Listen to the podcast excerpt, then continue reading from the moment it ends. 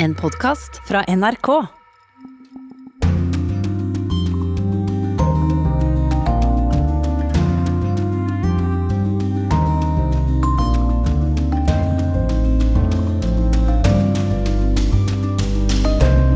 Rettslig jordskjelv i USA, abortrettighetene, forfall i mange stater.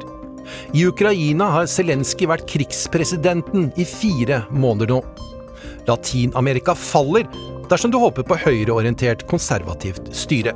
Mye mer og brevet fra Simen Ekern dersom du følger med oss videre. Du hører på Urix på lørdag, og jeg er Halvard Sandberg.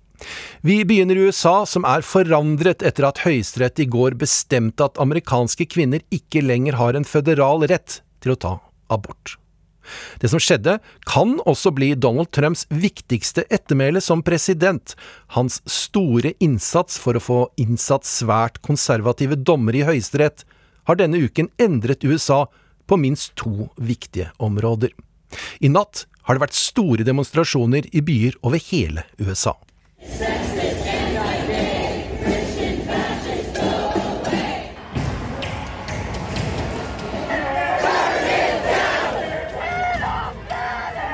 Today's historic Supreme Court decision is a victory for the sanctity of life. It will save countless innocent children. Three justices named by one president, Donald Trump, were the core of today's decision to upend the scales of justice and eliminate a fundamental right for women in this country.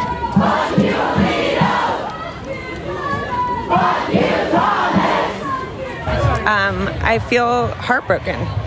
I love someone who had an abortion. I love many people who've had abortions. Um, but I'm thinking about my mom today. She had an abortion before Roe. Um, she was a senior in high school. It is like going back in time. Tove, den siste vi hørte her var Nicola Lessig, som du møtte utenfor høyesterettsbygningen. Du var der i hele går og snakket med folk. Hva sa de om hvordan det som skjedde, endrer USA? Ja, det var veldig mye følelser og veldig mye sinne og veldig mye glede på begge sider her. Jeg snakket både med Nicola her som var utrolig opprørt. Vi hører hun snakket om sin egen mor som en gang tok abort og mener hun er satt langt tilbake. Og så snakket jeg også med abortmotstandere eh, som jublet og ba til Gud og takket for denne historiske seieren som de aldri hadde trodd skulle være mulig å få til i deres levetid. Eh, det var veldig veldig mange unge mennesker til stede. Det var stort sett folk i, i, i 20- og 30-åra som var der, og også tenåringer. Dette er jo en kjempestor sak for unge amerikanere. Og, og det var akkurat som det begynte en ny tidsregning i går. Altså. Og så har det altså i natt vært store demonstrasjoner som i en del byer, bl.a. i Los Angeles, i Austin, i Texas, i Arizona, eh, har, har utartet og blitt eh, litt voldelige. Du hører på Urix på lørdag, og vi er ikke ferdig med deg, Tove, fordi den andre store saken denne uken har vært høringen i Kongressen om stormingen av Kongressen 6.1. Vi skal høre et kutt fra en av Trumps advokater, Erik Hershman. Han snakker om at flere republikanske kongressrepresentanter ba Trump benåde dem etter 6.1. Was Representative Gates requesting a pardon? Believe so. The, the general tone was we may get prosecuted because we were defensive of you know the president's positions on these things. Tove, nå er den første serien med høringer unnagjort. Hvordan vil det vi har hørt her prege amerikansk politikk fremover? Ja, vi har jo fått høre veldig mye interessant, og mange mener at nå har vi fått høre mye som som, som, Donald Trump kan rett og slett bli straffeforfulgt for. Eh, og disse kongressrepresentantene som ble, ba Trump om, om, å benåde dem, er et eksempel på det. Mange var altså redde for at de hadde gjort seg skyldige i kriminelle handlinger etter å ha støttet opp om opprøret eh, 6.1. Eh, eh, så får vi se hva som skjer videre. Det er jo Justisdepartementet som må etterforske Trump dersom det skal skje noe med han. Og det vil være et ganske langt lerret å bleke. Eh, eh, så, så, det blir spennende å følge med på. Det blir også flere høringer. Det har kommet inn mange tips eh, til denne kommisjonen i Kongressen etter at høringene begynte. Så det kommer til å bli eh, flere høringer eh, til høsten. Eh, men da er det jo altså da valg, og så vil jo da er det jo slik at Donald Trump fortsatt har politiske ambisjoner. så hva disse høringene vil få å si for for, for hans politiske framtid, det er utrolig vanskelig å spå om. Eh, men han har jo ikke vist noen anger mens disse eh, høringene har eh, pågått. Han har nesten forsøkt å diskutere med de som har sittet i, i høringene gjennom nettsida si. Og, vi ser jo også at, at som veldig mye annet abortsaken og veldig mange andre saker her i USA, så er også disse høringene veldig polariserende. Og det er nok mest de som er eh, opprørt over det som skjedde 6.1, som har sittet og, og sett på dette på TV. Takk til deg, Tove Bjørgaas. Nå mer om abort, for vi skal til Polen og høre historien om kvinnen som sendte en eske med abortpiller til en som ønsket å avslutte svangerskapet sitt. Nå venter den polske aktivisten en dom som kan gi henne tre år i fengsel. Det er første gang i Europas historie at noen kan bli dømt for å hjelpe til med abort. Abort er livet, lyser det i hvite bokstaver på rosa bakgrunn. Veggen i leiligheten som huser aktivistene i Abort sine Dream Team, er tapetsert med slagord og regnbueflagg. Den 47 år gamle trebarnsmoren Justina Wydrzynska løfter opp en pilleeske okay. med misoprostol. Mam w ręku opakowanie po tabletkach aborcyjnych, e, w zasadzie po samym mizoprostolu. Den er helt tom. E, hadde vi hatt slike piller på vårt kontor, hadde vi kunnet blitt anmeldt for å dele ut ulovlige legemidler. Pillene som en gang var inne i eska, kunne brukes til å utføre medikamentell abort. Dette er den mest vanlige formen for abort. Den anbefales av Verdens helseorganisasjon og av norske leger. Men disse pillene er ulovlige i Polen fordi abort er ulovlig. E, odezwała się do aborcji bez granic osoba, która e, nie mogła wyjechać za granicę. Nie mogła wyjechać I 2020 fikk vi et brev fra en kvinne. Hun kunne ikke dra til utlandet for å utføre et abortinngrep fordi mannen trua med å anmelde henne for kidnapping hvis hun tok med deres felles barn med på turen. Virgin skal fortelle hvordan hun bestemte seg for å sende en pakke abortpiller til kvinnen i posten, og hvordan mannen til kvinnen fant ut av dette og tilkalte politiet. Ta policja czekała na nią w domu e, wtedy, kiedy ona e, wracała. To politimenn ventet på henne hjemme da hun kom hjem med pakken. Det hele var ganske dramatisk, og hun endte med å gi fra seg abortpillene. Et år seinere dukker politiet opp på døra hjemme hos abortaktivisten. De ransaker huset og konfiskerer alt av datamaskiner og telefoner. Sist høst blir hun tiltalt. Justyna W. oskarżona jest o udzielenie pomocy do przerwania ciąży. Justina W. er tiltalt for å hjelpe til med svangerskapsavbrudd, med å dele minst ti abortpiller samt for å spre legemidler uten lisens. Sier talskvinnen for statsadvokaten i distriktsretten i Warszawa, Katarzyna Skrzeczkowska. Napastnicy są bezkarni, a nawet można powiedzieć, że korzystają z opieki władzy. Frie valg, fri Justine, roper aktivistene foran distriktsretten i Warszawa 8. april. Rettssaken mot abortaktivisten har fått mye oppmerksomhet både i Polen og i Europa, fordi den er unik. For første gang kan en person bli dømt til fengsel for å ha hjulpet med abort. Foran domstolen er også katolske aktivister fra stiftelsen Retten til liv, som bruker høyttalere for å spre bønn til jomfru Maria.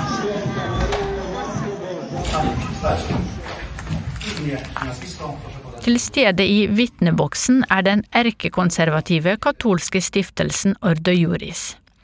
De er imot alle former for abort, og jobber for å straffeforfølge alle som bidrar til å spre abortpiller. To znaczy nie jest dopuszczalne przywiezienie za, za pośrednictwem kuriera. Disse medisinene er ulovlige i Polen og kan ikke omsettes her. Det er derfor ulovlig å tilgjengeliggjøre disse pillene i Polen. Dessverre har ikke påtalemyndigheten vært flinke nok til å straffeforfølge disse sakene, sier Katarzyna Gensjak, direktør for medisinsk jus og bioetikk i Ordo Juris. Dołączenie Ordo Juris, pozwolenie przez sędzinę dołączenia Ordo Juris do procesu jest też wskazaniem politycznym. Det at dommeren har tillatt at Ordo Juris opptrer som ekspertvitne, viser at rettssaken er politisk, sier den tiltalte Justina Wydrzynska. E, det at nesten ingen media og ingen ambassaderepresentanter fikk være til stede under rettssaken, er også et tegn på at dette er politisk. Dommen mot denne abortaktivisten er forventet å falle i juli. Reporter i Polen var Sofia Pasiewicz.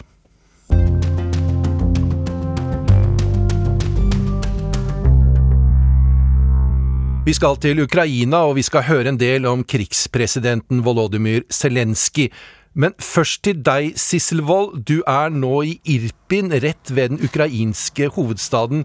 Og hva skjer rundt deg nå? Ja, akkurat eh, nå så sitter jeg rett foran denne ødelagte broen der mange mennesker ble skutt da de forsøkte å flykte under kampene her for noen måneder siden.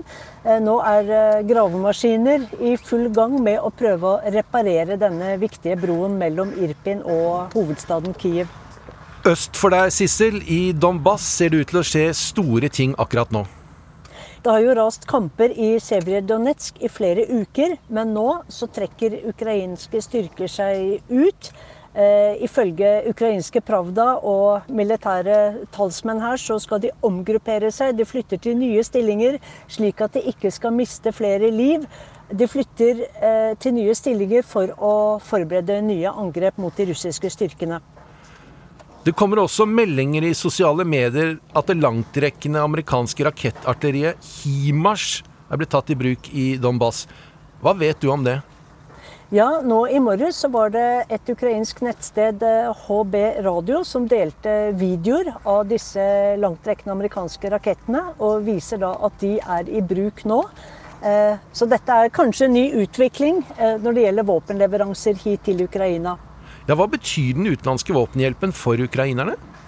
Ja, Den betyr jo enormt mye, fordi at uh, ukrainere mener jo det at uh, løsningen uh, Hvis de skal slå de russiske styrkene, så må de få mye mer våpen inn, og mye tyngre våpen. og I morges ruslet jeg rundt i hovedstaden Kiev, og da jeg, så jeg f.eks. en stor stor plakat hvor det står oppfordring om om å gi våpen til Ukraina, men også oppfordring om at eh, fremmedkrigere, altså folk som vil bidra i kampene mot de russiske styrkene, bare må melde seg eh, på flere ukrainske kontorer rundt omkring i verden. Takk til deg, Sissel, og vi skal snart høre mer fra deg om den ukrainske presidenten. Men først en liten oppfriskning om Volodymyr Zelenskyj. For knapt noen gang før har verden sett en president som kommuniserer både til sitt eget folk og verden for øvrig, slik Ukrainas president har gjort hver eneste dag de siste fire månedene. Og det gjør han ved hjelp av daglige videoer og sosiale medier. Da motiverer han både befolkningen og sine soldater.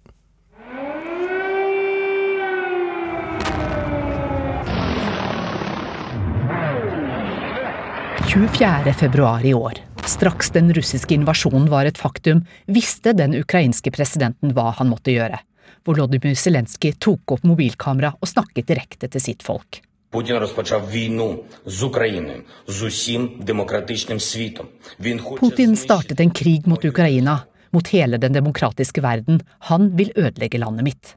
Som tidligere skuespiller og TV-produsent kan Zelenskyj kunsten å sette seg inn i en rolle for å få folk med seg.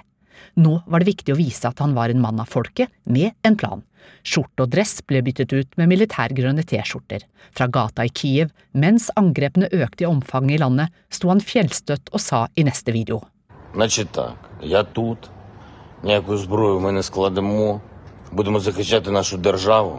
Jeg er her, vi vil ikke legge ned våpnene, vi vil forsvare landet vårt. Hver eneste dag i fire måneder har Zelenskyj sendt sine støttende rapporter ut via sosiale medier til sine folk, sine soldater og på den internasjonale scenen. Mannen som i 2006 vant Skal vi danse i Ukraina, som hadde stemmen til den sjarmerende Bjørn Paddington i filmen i 2017,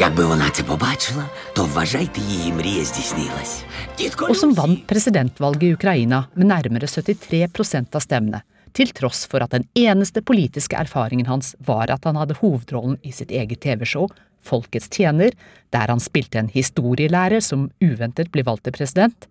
Han har hele tiden vist at han vet hvordan han skal nå ut. Kombinasjonen 15 års erfaring som TV-produsent og et håndplukket team rundt seg som forstår både media og folk flest, har vist seg å være et vinnerteam så langt. 97% av de spurte i en meningsmåling i Ukraina tror de vinner krigen. Og tro skal som kjent kunne flytte fjell. Zelenskyj der altså, reporter her var Anja Strønen. Nå skal vi høre hva ukrainerne selv mener om sin president. Vi er i en begravelse til nok en ung soldat som har ofret livet sitt for Ukrainas frihet. Flere hundre har møtt frem for å vise sin respekt til Roman Ratusjny, som bare ble 24 år. En av de fremmøtte er Viktori Pekor på 16 år. For alle her er de tusenvis av soldatene som dør i kampen, helter. Men det er også president Volodymyr Zelenskyj. For me, President Zelensky is um, hope. Hope for our future. Because I know that uh, if someone else was our president now, we wouldn't exist. Ukraine wouldn't exist. Han er håpet for fremtiden, sier Viktorij, som ikke tror at Ukraina hadde eksistert nå om ikke Zelenskyj hadde ledet landet. And uh, we are very happy that he uh. Ikke minst er det viktig at han ble her, og at han ikke forlot Ukraina, sier Viktori. For da krigen begynte, tilbød amerikanske myndigheter å evakuere president Zelenskyj. Men han svarte jeg trenger ikke skyss, jeg trenger ammunisjon. Viktori Pekor har på seg hullete jeans og en hvit skjorte med blått brodert ukrainsk mønster. Over skulderen et stort ukrainsk flagg. Men det er enkelte som mener at det kan bli litt for mye av Zelenskyj. There are many people who, are, no, who says there's too much of him uh, in uh, news, in some meetings. But uh, I think uh, that uh, that's very cool that uh, he's doing. Men jeg syns det er bra at han er så aktiv, sier hun. For han representerer virkelig oss, og ånden her i landet. En annen vi treffer i begravelsen, er Rovin Prokopenko. Han snakker norsk etter å ha vært sesongarbeider på Vestlandet i mange år. Vi trenger Zelenskyj som president nå. Ser du på tallene hans eh, ofte? Ikke de siste månedene, men før. ja. Flere sier til oss at de ikke ser på Zelenskyjs taler hver dag lenger. Og Rovim sier at det er ikke presidenten som styrker hans kampmoral. Det er soldatene som kjemper og som risikerer livet i felt.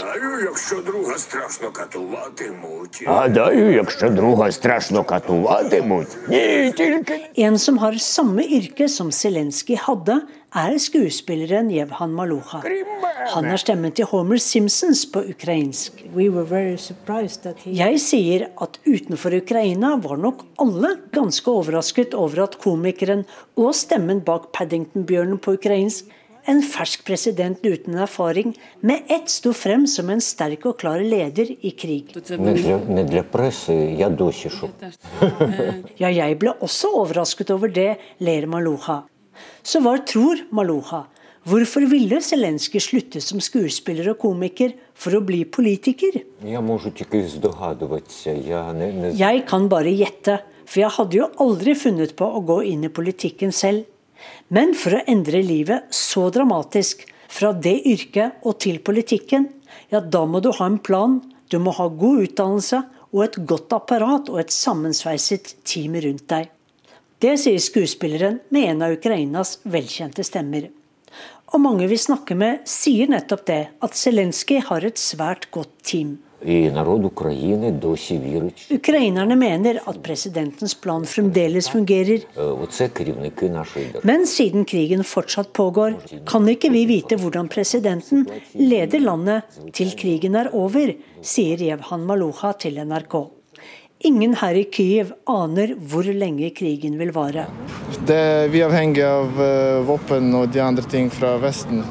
Hvis vi får snart mulig alt vi trenger, jeg håper til slutten av den året. Den har allerede vart i åtte år, minner ukrainerne oss stadig om. NRK forsøker å ha én eller to grupper med journalister i Ukraina til enhver tid. Det er noe vi planlegger å fortsette med. Akkurat nå er det Sissel Wold og Håvard Hagen som er i landet. Og jeg tar med at det nå kommer meldinger fra den ukrainske hæren om at det i morgentimene har blitt avfyrt mange missiler mot Ukraina fra Belarus, altså fra landet vi pleide å kalle Hviterussland. Dette har også skjedd tidligere i konflikten. Allerede 4. mai hadde det kommet over 600 missiler fra det ukrainske nabolandet Belarus siden invasjonen.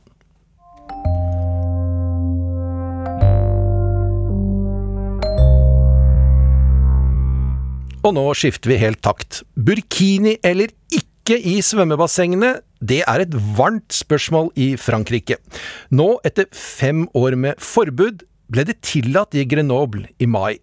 Men denne uken ble det stoppet av den franske forvaltningsdomstolen. Donc on qu'on ne présente pas de problème pour la sécurité des autres ou qu'on ne menace pas la sécurité des autres, je pense qu'on devrait avoir le droit de se baigner comme on le veut. Om muslimska kvinnor inte utgör trusler mot andras säkerhet måste vi ha rätten att klä oss som vi vill när vi badar, tycker 26-åriga ingenjörsstudenten Alicia och rette till sin slöja. Hon utnyttjade burkinitillståndet i Grenobles svömmebassänger i de cirka två veckor det varade. Oui, bien sûr. Voilà. Den 16 maj röstade man i Grenobles kommunstyre för burkini i byens bassänger. Det orsakade enorm polemik i Frankrike som hyser Europas största muslimska befolkning. Burkini tilläts fem år efter att ha förbjudits i landets svömmebad. När en lokal domstol stoppade beslutet i månadsskiftet och stadens borgmästare Erik Pjöll Appelece hamnade ärendet hos Högsta förvaltningsdomstolen där man i tisdags meddelade att Burkini går emot den franska loven. Beslutet förväntas nu bli rättspraxis i landet. Juste parce que, d'abord, nous portons des combats féministes. Oui. euh, évidemment, il y a toujours un combat pour l'émancipation. hein.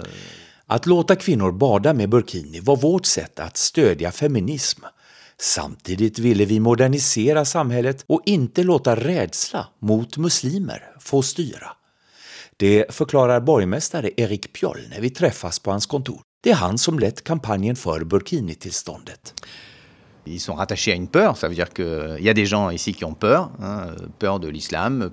Pjoll är medlem i EELV, De gröna, som med tre vänsterpartier ingår i oppositionskoalitionen NUPES. Det är den största utmanaren nu till president Macrons regering sedan valet till nationalförsamlingen förra söndagen. Varför ska inte muslimska kvinnor få sporta i harmoni med sin tro? Vous avez droit de porter des signes religieux, c'est le respect du culte. Borgmästaren var förberedd på att Högsta förvaltningsdomstolen skulle anse att Burkini går emot den franska loven gällande laïcité, det vill säga sekularism. Därför blev överraskelsen stor när det meddelades att förbudet grundas på hygien. Töj anses föra med sig bakterier i landets svömmebad. Le texte qui ouvrait la burkini dans les piscines municipales de Grenoble suspendu. Så här lät det i tv och radio. Il n'y aura pas de burkini dans les piscines à Grenoble. Enbart korta badbyxor för män tillåts för hygienens skull i Frankrike, säger antropologen Florence Bergeau-Blaclair vid landets största forskningsinstitut, CNRS. Så varför skulle då heltäckande burkini tillåtas för kvinnor, säger hon. tout droit à l'égalité de traitement entre les femmes et les hommes. Bergeau-Blaclair är specialiserad på frågor gällande islam. Burkini täcker hela kroppen, utom ansikte, händer och fötter. Det elastiska badplagget beskrivs ofta som en lösning för kvinnor som vill simma men inte vill klä sig i en baddräkt då den känns utmanande för dem. Så här lät det när badande burkiniklädda kvinnor sjöng protestsånger mot förbudet Forskaren Florence Bergeau-Blaclair stödjer Högsta förvaltningsdomstolens förbud. À mon avis, la suspension de l'arrêté municipal va dans le bon sens. Le burkini est comme le cheval de Troie. Hon anser att burkini, likväl som hijab, inte är oskyldiga töjstycken. Det här handlar om hästen i Troja, säger hon. Radikala islamister vill kontrollera kvinnor och till och med små flickor med hjälp av töj. Så detta är inte feminism, säger Florence Bergeau-Blaclair. C'est que le burkini, c'est une norme islamique, ça n'est pas un vêtement. Vid en spårvagnshållplats i Grenobles centrum stöter jag på kökschefen Fatima som har ursprung i Algeriet. Fatima vill inte använda burkini. Ingen religion bør merkes når man bader, mener hun. Non. Bon, ça touche un petit peu les religions. Burkini, c'est pas pour vous. Voilà, non, non, non, non. non. Og vår reporter i Frankrike var Johan Tolgert. Vi skal til Latin-Amerika, der en rekke land har valgt ledere fra venstresiden de siste årene. Økte sosiale forskjeller og korrupsjon blant de mektige er viktige årsaker. Mange sammenligner det som nå skjer med den store venstrebølgen tidlig på 2000-tallet. Vår Latin-Amerika-medarbeider Arnt Stefansen har laget denne reportasjen. Så skjedde det igjen. Nok et latinamerikansk land skiftet politisk farge fra blått til rødt da Colombia sist helg valgte en president fra venstresiden. Den tidligere geriljasoldaten Gustavo Petro er den første venstrelederen som er valgt til president i Colombia. Et sterkt signal om en ny tid i regionen. De siste årene har en rekke land fått regjeringer fra venstresiden, og Latin-Amerika-eksperten Benedicte Bull peker på følgende årsaker. Fellesnevneren her er en misnøye mot en politisk klasse som har stått for inntektskonsentrasjon, ulikhet og ikke minst korrupsjon. Og så eh, har du fått pandemien eh, på toppen av det, som har økt eh, de sosiale utfordringene, fattigdommen. Mange har sammenlignet utviklingen den siste tiden med den såkalte pink tide, den rosa bølgen, som startet for 20 år siden. Da ble nesten hele Sør-Amerika og flere land i Sentral-Amerika venstrestyrt. Men den nye venstrebølgen er annerledes, sier Benedicte Bull, som er professor på Senter for utvikling og miljø ved Universitetet i Oslo. Du har hatt protestbølger i flere land, Chile, Colombia, eh, Peru, eh, som har blitt kanalisert inn i politisk nye venstreprosjekt, som har eh, både er veldig ulike seg imellom, og har mange forskjeller fra de type venstreregimene vi har sett tidligere i Latin-Amerika. Kvinnekamp, klima og miljø og rettigheter for urfolk og seksuelle minoriteter, det er noen av sakene som har høy prioritet for venstrelederne som er kommet til makten i Latin-Amerika de siste årene. Og Colombias påtroppende president forbauset mange da han kom med følgende erklæring etter valgseieren forrige helg. Nosotros vamos a desarrollar el capitalismo en Colombia. Vårt mål er å utvikle kapitalismen i Colombia, sier Gustavo Petro. Slik snakker en venstreleder i Latin-Amerika anno 2022. Latin-Amerikas nye venstreregjeringer står overfor enorme utfordringer. Stadig hyppigere ekstremvær med store flomkatastrofer har satt klima- og miljøspørsmål høyt på dagsordenen. Men aller mest handler det nå om å møte de økende sosiale og økonomiske utfordringene, sier professor Benedicte Bull. Jeg tror de først og fremst står overfor en fattigdomsutvikling som ikke vi har sett i Latin-Amerika på lenge, som en, et resultat av både pandemien og nå økende matvarepriser som følge av krigen i Ukraina. O Brasil quer seguir em frente com primeiro do. Hva skjer i Brasil? Det er høstens store politiske spørsmål i Latin-Amerika. Venstrelederen Lula da Silva er favoritt til å overta makten etter høstens valg, og hvis også Brasil går til venstre, vil alle de seks største økonomiene i Latin-Amerika være venstrestyrt. Hva betyr et maktskifte i Brasil for Norge? Hva som blir utfallet av valget i Brasil i oktober, om det blir videreføring av Bolsonaros regjering, eller at Lula kommer tilbake, det betyr ganske mye. Ikke minst for miljøsatsingen. De private investeringene går for så vidt sin gang, eh, litt uavhengig av regjeringen. É Lula de novo, com a força do povo. Til slutt i denne reportasjen hørte vi Latin-Amerika-eksperten Benedicte Bull. Og vi fortsetter i Latin-Amerika. For med et skifte av lederskap i Colombia fra blått til rødt, kan også forholdet til nabolandet Venezuela endre seg, og ikke minst endre fredsprosessene i landet. Urix på lørdag har møtt Colombias tidligere president Juan Manuel Santos, en liberal, konservativ, høyreorientert politiker som styrte landet inn i fredsavtalen med FARC-geriljaen, og ble belønnet med en nobelpris. I saw it coming. The pendulum Jeg så det komme, sier Juan Manuel Santos. people were not happy. Folk ville ha endring fordi dagens regjering har vært en fiasko.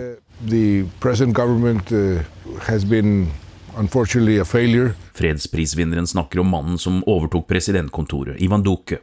Duque gikk til valg på å rive i stykker fredsavtalen med Colombias største og eldste gerilja, FARC, som Santos undertegnet for snart seks år siden. They tried to derail the peace process, they couldn't. Then they tried to stop it, they couldn't. And when they realized that it was impossible to stop it, they jumped into the train of the peace process, but only in words, not in deeds. a su presidente Gustavo Petro. Høyrepolitikeren Santos har ikke mye til felles med Gustavo Petro, som snart tar over. Men eh, han tror ikke, eller håper ikke, Petro vil prøve å endre lovene, slik at han kan bli sittende utover fireårsperioden, slik kritikerne frykter. I don't share the pessimism of many.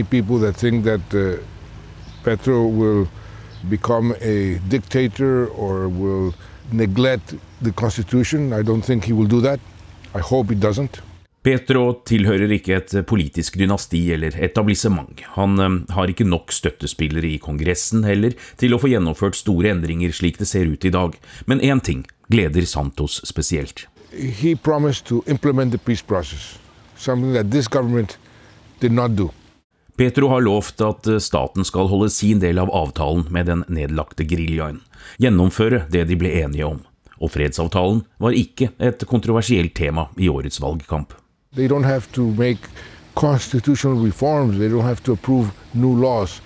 It's only political will. So there's a great opportunity there for this uh, new president Og Petros fordel er at fredsavtalen er innlemmet i Grunnloven, slik at han ikke trenger Kongressens støtte for å innfri løftene. Han trenger bare kunnskap og vilje til å inngå avtaler med andre samfunnssektorer for å levere. I hope that they have this ability. Colombia, like many countries around the world, is a very polarized society. Polarization makes governance very difficult. NRK møter 70-åringen Juan Manuel Santos på en fredsmeklersamling utenfor Oslo. Både han, geriljamedlemmer og samfunnsaktører fra Colombia har vært innom tidligere for å høste erfaringer, og senere dele dilemmaer som oppstår når konflikter skal løses. Here in Norway, you have the representatives of Inne på den lukkede samlingen nå er det representanter fra opposisjonen i Venezuela og regjeringen, sier Santos. Det at de snakker sammen, utveksler synspunkter foran andre, er nyttig, mener Colombias tidligere president. Extremely, extremely useful. That's the way to find common ground. Reporter her var Anders Tvegård.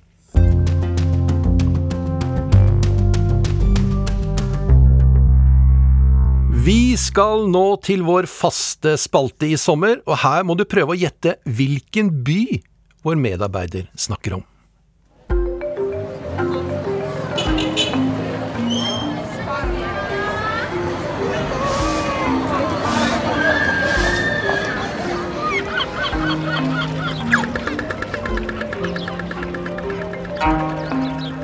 Dette er en by som er eh, absolutt blant Europas eh, største eh, byer.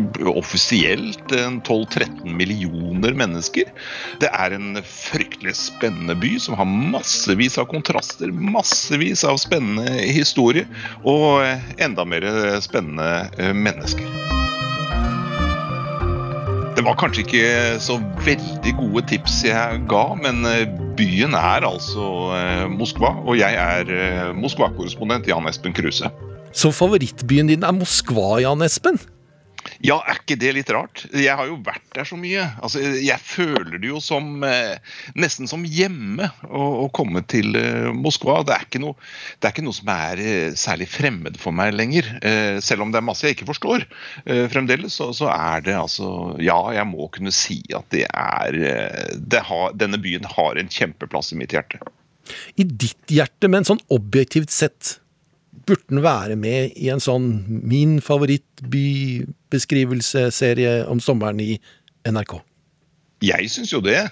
Uh, andre kan ha helt uh, andre meninger om den, men som en sommerby er den jo fenomenal med sine parker og sine uh, uteserveringer, sine kulturtilbud, sitt historietilbud. På alle måter er jo denne byen forferdelig spennende, selv om noen oppfatter den annerledes.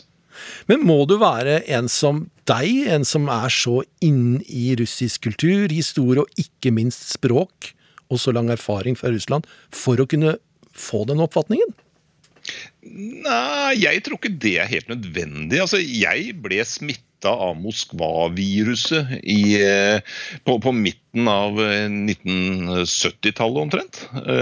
Og, og da, da, gikk jeg på videregående på Hønefoss og vant en stilkonkurranse og fikk en premie, en reise til Moskva ved nyttår. Og det, det altså det, det, gjorde et så fenomenalt inntrykk. Det var forelskelse ved første blikk, fordi alt var så annerledes eh, enn livet på Hønefoss. Annerledes på hvilken måte da? Altså kulturen, menneskene, byen, husdyrene, eller hva mener du egentlig, Ann Espen? Ja, altså, Først var det jo en, en, språkbarriere. Det var jo nesten ikke noen som skjønte min skoleengelsk. Eh, og så var det altså et samfunn som var organisert på et helt annet vis. Eh, gå inn i butikkene og se det elendige vareutvalget som var der den gangen. Eh, hvordan folk var kledd. Eh, hvordan byen var organisert. Dette var jo styrt av kommunistene den gangen med sine femårsplaner. Og eh, dette var var jo altså så langt fra dagligliv på Hønefoss som jeg kunne komme. Første gang jeg var i Moskva, var jo vinteren 84-85. Det var forferdelig trist og deprimerende og mørkt og møkkete og lukta dårlig diesel. Sist gang jeg var der, var for et par-tre år siden. Byen har endret seg. Kan ikke du fortelle om hvordan Moskva er nå i forhold til da? Ja, Nå er det jo eh, en storby, en moderne storby, eh, omtrent på eh, nivå med, med, med storbyer hvor som helst i verden. Med sine skyskrapere som de bygger stadig flere av, altså med sitt moderne tilbud på de aller fleste områder.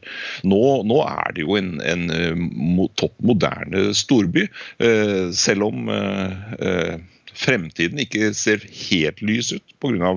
straffetiltakene da, som Vesten har innført pga. Eh, krigen i Ukraina.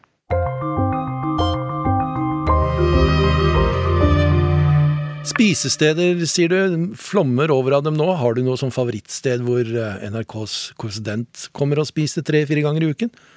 Uh, det, nei, men du vet, det er så masse steder. Man kan ikke binde seg til ett sted uh, tre-fire ganger i uka. Det, det, det, er jo et hav av det. Men uh, de gamle markedene Eh, har utviklet seg veldig spennende. Nå er det matmarkeder samtidig som det også er eh, små spisesteder eh, knyttet til disse matmarkedene. Og det, det, gjør at man kan prøve kjøkkenet fra all verdens steder på, på ett og samme sted. Så at man, man, kan spise seg rundt en måned på hvert av disse, disse matmarkedene og, og, og ha, det, ha, det, veldig interessant. Også på, på et av de markedene markedene i nærheten av der hvor jeg eh, bor, så er det, der er det en dame som er langeren min. Eh, altså kaviarlangeren min.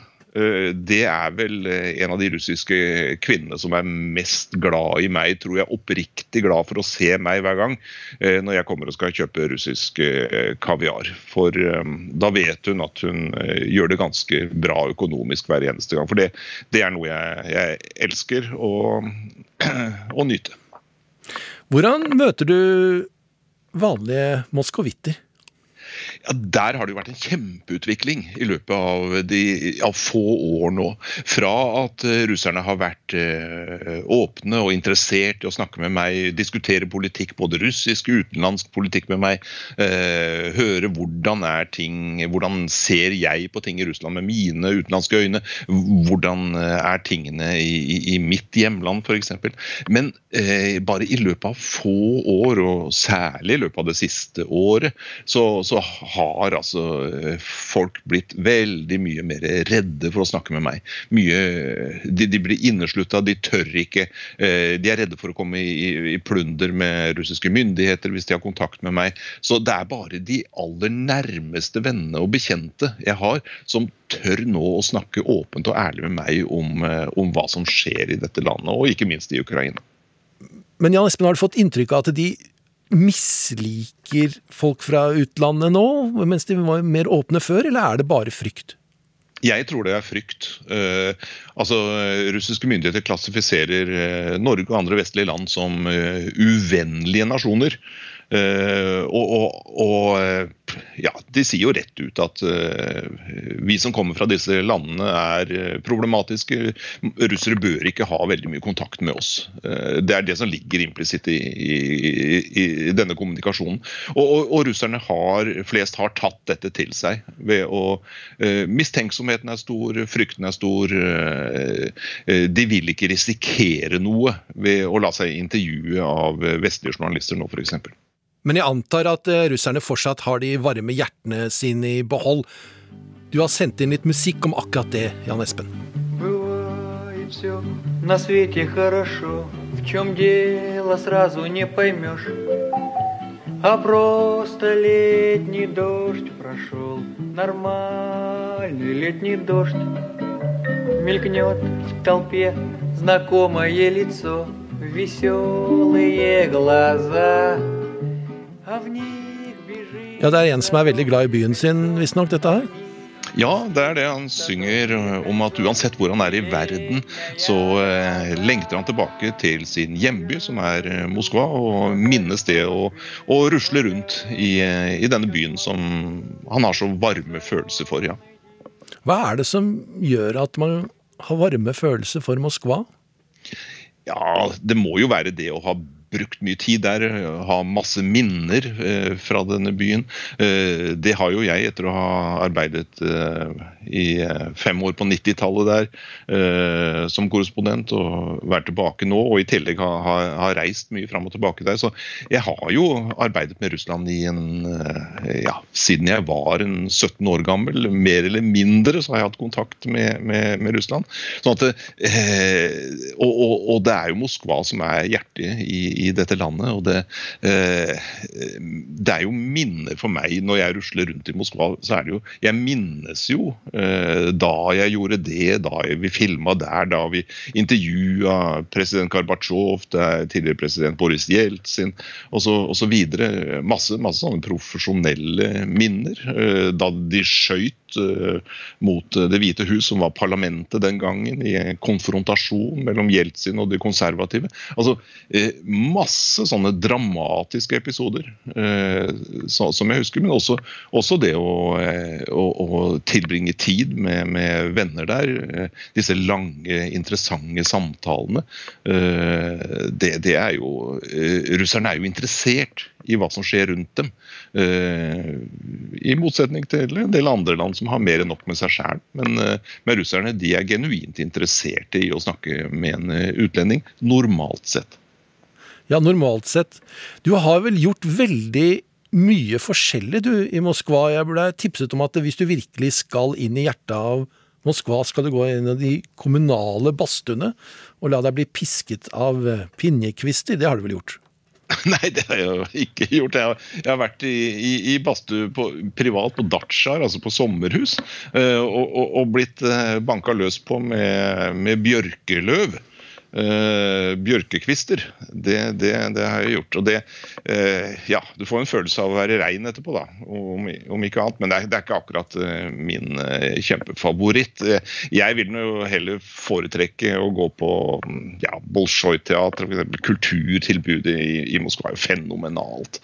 Og, og, og, det å observere mennesker, hvordan de pynter seg når de skal ut og få kulturopplevelser. hvordan de virkelig lever i i, og, og tar til seg kulturen.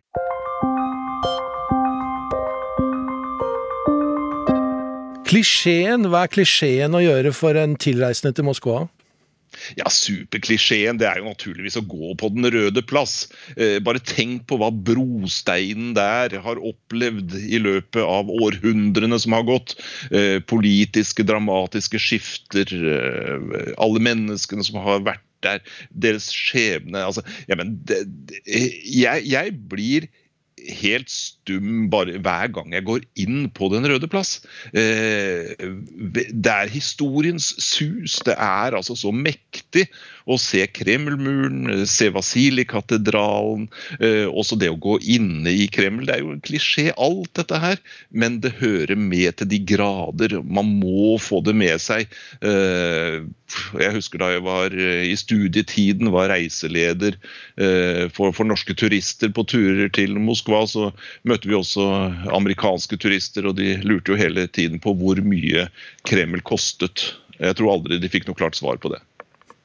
Har du noen hemmeligheter, noen hemmelige steder som eh, Det burde du i hvert fall komme innom hvis du kommer deg til Moskva nå? Nei, altså Det som måtte være en hemmelighet, det, må, det, er jo det å få lov til å bli med noen man kjenner ut på en dacha.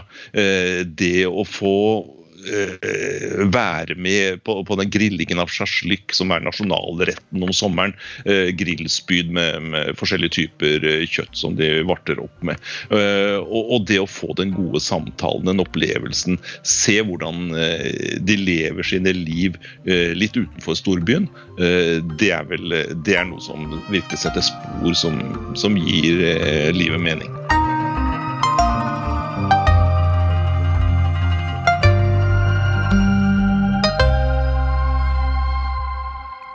Vi er ved brevet her i Utenriks på lørdag, og det er fra vår europakorrespondent Simen Ekern. Sist helg var jeg tilskuer til krigens grusomhet. Jeg så høyt rangerte offiserer oppildne menige soldater til heltemodig, håpløs innsats. Jeg kjente smellene fra artilleriet i mellomgulvet mens røyken sved i øynene. Jeg hørte de fortvilte skrikene fra dem som segnet om på bakken etter å ha blitt truffet. Da det hele var over, applauderte jeg. Slaget jeg klappet til, fant sted i hjertet av Europa for 207 år siden. Denne morgenen ble det gjenskapt av ivrige menn og noen kvinner i tidsriktige kostymer på slagmarken i Waterloo. Sønnen min synes det er spennende med Wellington og Napoleon, historie er jo viktig, så jeg tenkte det måtte kunne bli både en pedagogisk og spennende søndagsutflukt. Slagmarken ligger en halvtimes busstur unna Brussel sentrum. Den er lett å finne, for den 40 meter høye løvehaugen er synlig på lang avstand. Den gresskledde bakken med en løvestatue øverst er reist til ære for prinsen av Oranien, øverstkommanderende for de nederlandske troppene som kjempet under Wellington i slaget ved Waterloo. Det er storslått eller guffent, litt avhengig av hvordan man ser på gamle slag. Den særegne forfatteren W.G. Sebalt, for eksempel, mente løvemonumentet er selve definisjonen på belgisk stygghet.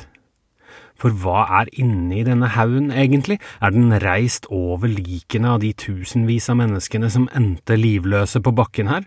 Er det ikke et fjell av død? Vi, de overlevende, ser alt ovenfra, vi ser alt på samme tid, og likevel vet vi ikke hvordan det var, skrev Sebald. Nå satt jeg der, da, på en av tribunene som var reist opp ved åkrene, med privilegert utsikt til det gamle slaget. Sønnen min syntes det var veldig spennende, og når vi først var der, holdt jeg meg unna fristelsen til å komme med formanende utsagn om krigens brutalitet. Jeg hadde jo dratt dit frivillig. Likevel, forestillingen var mer livaktig enn jeg hadde sett for meg. Det ble vanskelig å komme unna at det er noe merkelig ubehagelig ved å se et sånt krigsteater, samtidig som det faktisk pågår en krig i Europa. En krig de fleste av oss observerer på avstand. Vi ser alt ovenfra, vi ser alt på samme tid, og likevel vet vi ikke hvordan det er. Da Russland invaderte Ukraina, begynte jeg en ny pendlertilværelse. Det kjentes iallfall slik den første tiden, da hverdagen ble til kontinuerlig skytteltrafikk mellom NATO-hovedkvarteret og EU-rådsbygningen i Brussel.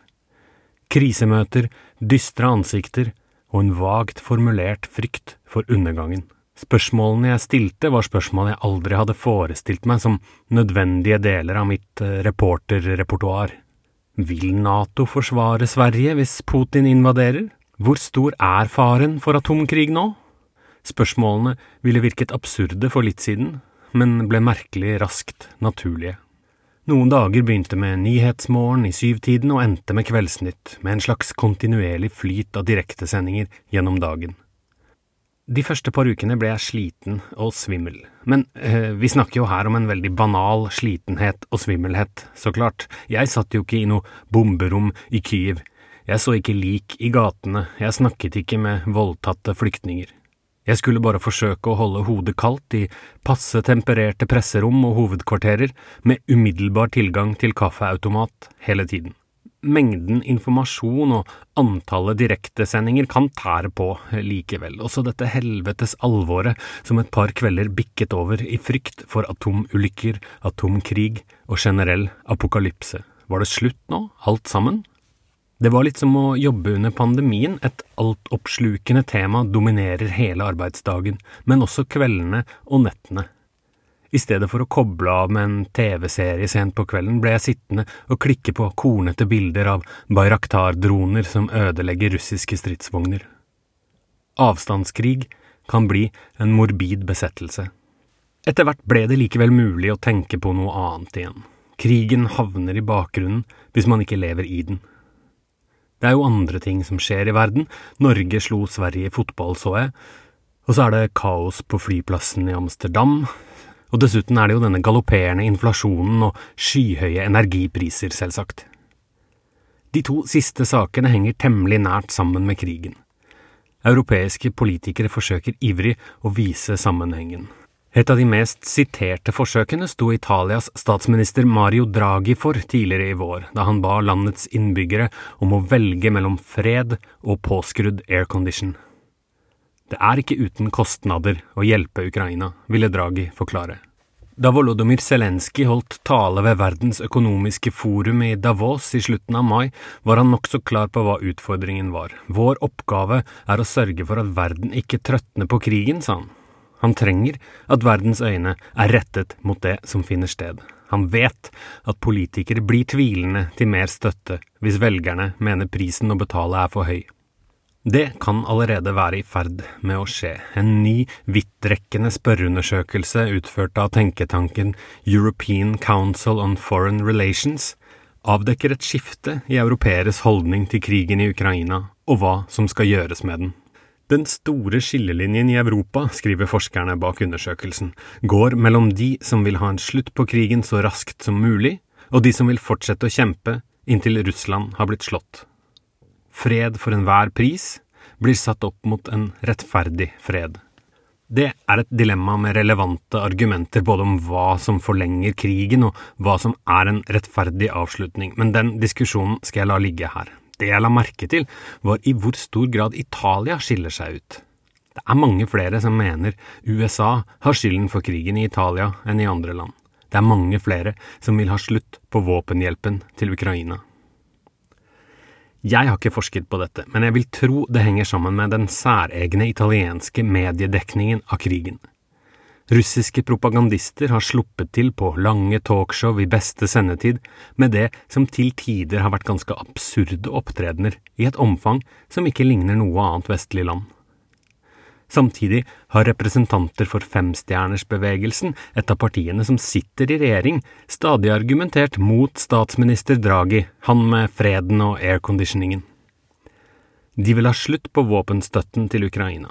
Enkelte har lagt skylden på Nato eller på kravstore ukrainere. De vil ha fred for enhver pris.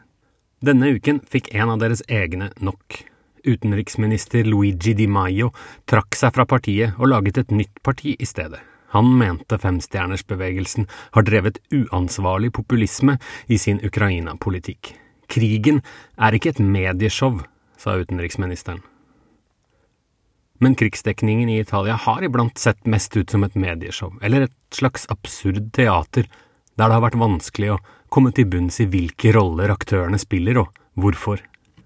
Tilbake på sletta i Waterloo var rollene i det minste oversiktlige. Slaget ble omsider avgjort også etter en røff sluttspurt. Napoleon tapte i år igjen, viste det seg, selv om det lenge så jevnt ut.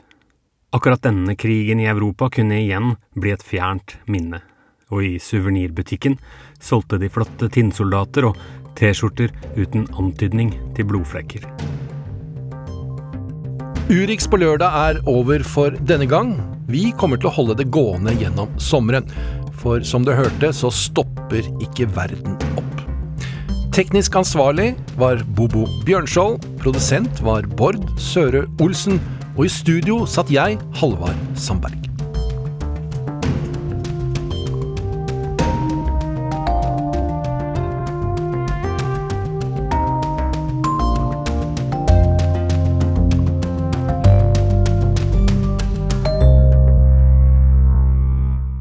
Du har hørt en podkast fra NRK.